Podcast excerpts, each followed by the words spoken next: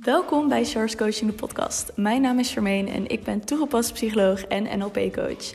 Met mijn bedrijf help ik mensen om uit hun hoofd te gaan en vanuit je intuïtie te gaan leven. Dit doe ik door praktische psychologie met spiritualiteit te combineren. In Charles Coaching de podcast interview ik experts op het gebied van spiritualiteit en psychologie. In mijn journey kwam ik erachter hoeveel er werd aangeboden. Op het gebied van psychologie, maar ook op het gebied van spiritualiteit. En voor mijn gevoel mocht dat wat meer overzichtelijk worden. Dus ben ik dit platform gaan aanbieden, zodat jij een overzicht hebt van alles wat wordt aangeboden op het gebied van spiritualiteit en psychologie. Ik wens je veel plezier met het luisteren naar deze geweldige interviews en gesprekken. Hallo lieve luisteraar, welkom terug bij een nieuwe podcastaflevering van Charles Coaching. Ik loop dus nu buiten in een zonnetje en ik heb dus een microfoon gehaald, een nieuwe microfoon, waarmee ik wilde kijken, oké, wordt de geluidskwaliteit hiervan beter? Ik loop dus nu ook met zo'n microfoontje in mijn hand door het bosstuk. Dus ik hoop dat de kwaliteit beter is. Het is gewoon weer even dingen uitproberen. Kijken wat wel werkt en wat niet werkt. Want zoals je kan begrijpen, als de zon buiten schijnt en het is 26 graden, vind ik het iets lekkerder om buiten een podcast op te nemen. Terwijl ik aan het lopen ben. Dan dat ik binnen aan een tafeltje in een kantoortje zit in het donker. Dus bear with me dat ik hoop dat de kwaliteit hiervan goed is. En wat ik met je wilde delen in deze podcast is het volgende. En ik ga heel even een stukje erbij halen. Mocht je me trouwens nog niet kennen, ik ben dus Charmaine en ik help vrouwen om next level te gaan en hun droomleven waar te maken binnen zes maanden. Welkom bij de podcast. En ik heb hier een stukje dat ik met je ga delen over iets waar ik ja, zelf een inzicht over kreeg. En ik wilde daar verder op ingaan. Het stuk dat ik met je wil delen is het volgende. Iemand anders zijn pijn, die op jou gereflecteerd wordt, hoeft niet te betekenen dat jij die pijn overneemt of eigen maakt. Jouw grenzen is een reflectie van het respect en de liefde die je tegenover jezelf hebt. De ander moet dit accepteren. Als diegene dat niet doet, is diegene niet op dezelfde frequentie als jij. En dit was een inzicht die ik zelf had opgedaan door een situatie. Maar ik vond hem zo belangrijk om op te schrijven en ook met jou te delen. Want ik zie gewoon, ook na dat incident, dacht ik: hé, hey, ik zie dit eigenlijk best wel terugkomen ook bij mijn omgeving. En dat is gewoon dat we zorg zijn aangeleerd om op het moment dat iemand pijn ervaart of pijn voelt doordat jij je grens hebt aangegeven.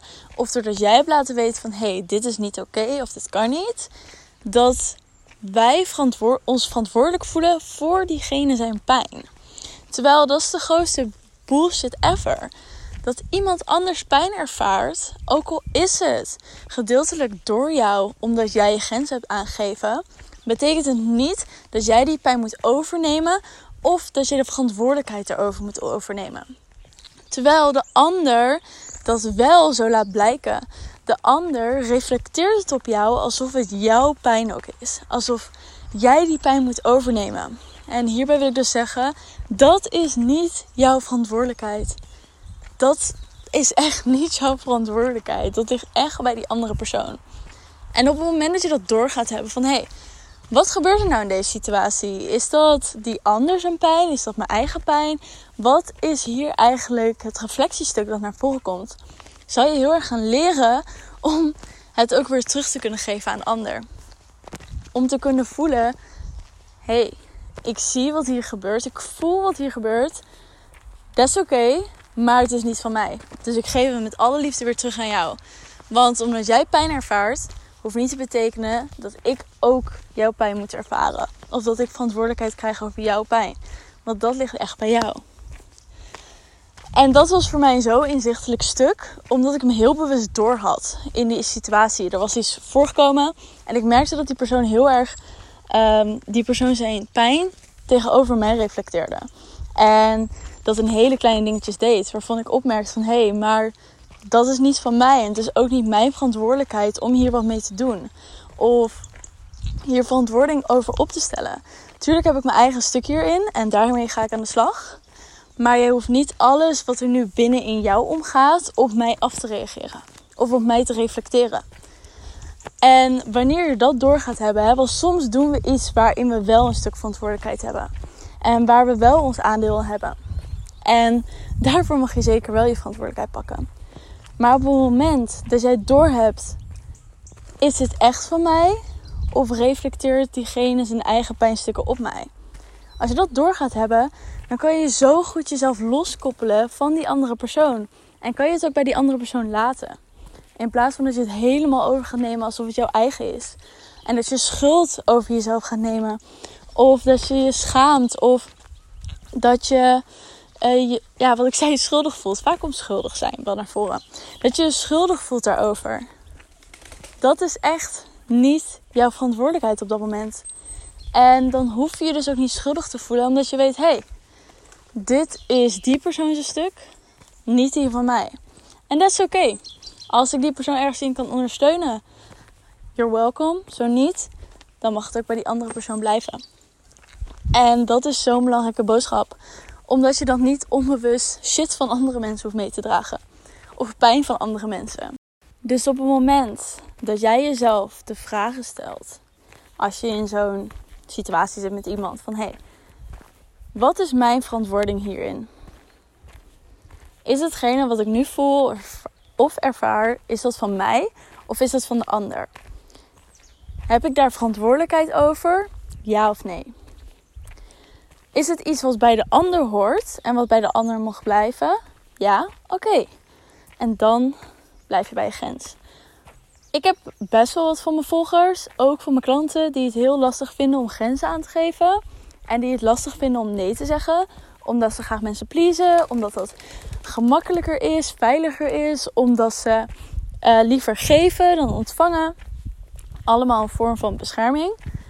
En op het moment dat jij dus wel gaat oefenen met je grenzen aangeven, dan zul je ook gaan zien dat mensen hun pijn op jou afreageren, op jou reflecteren.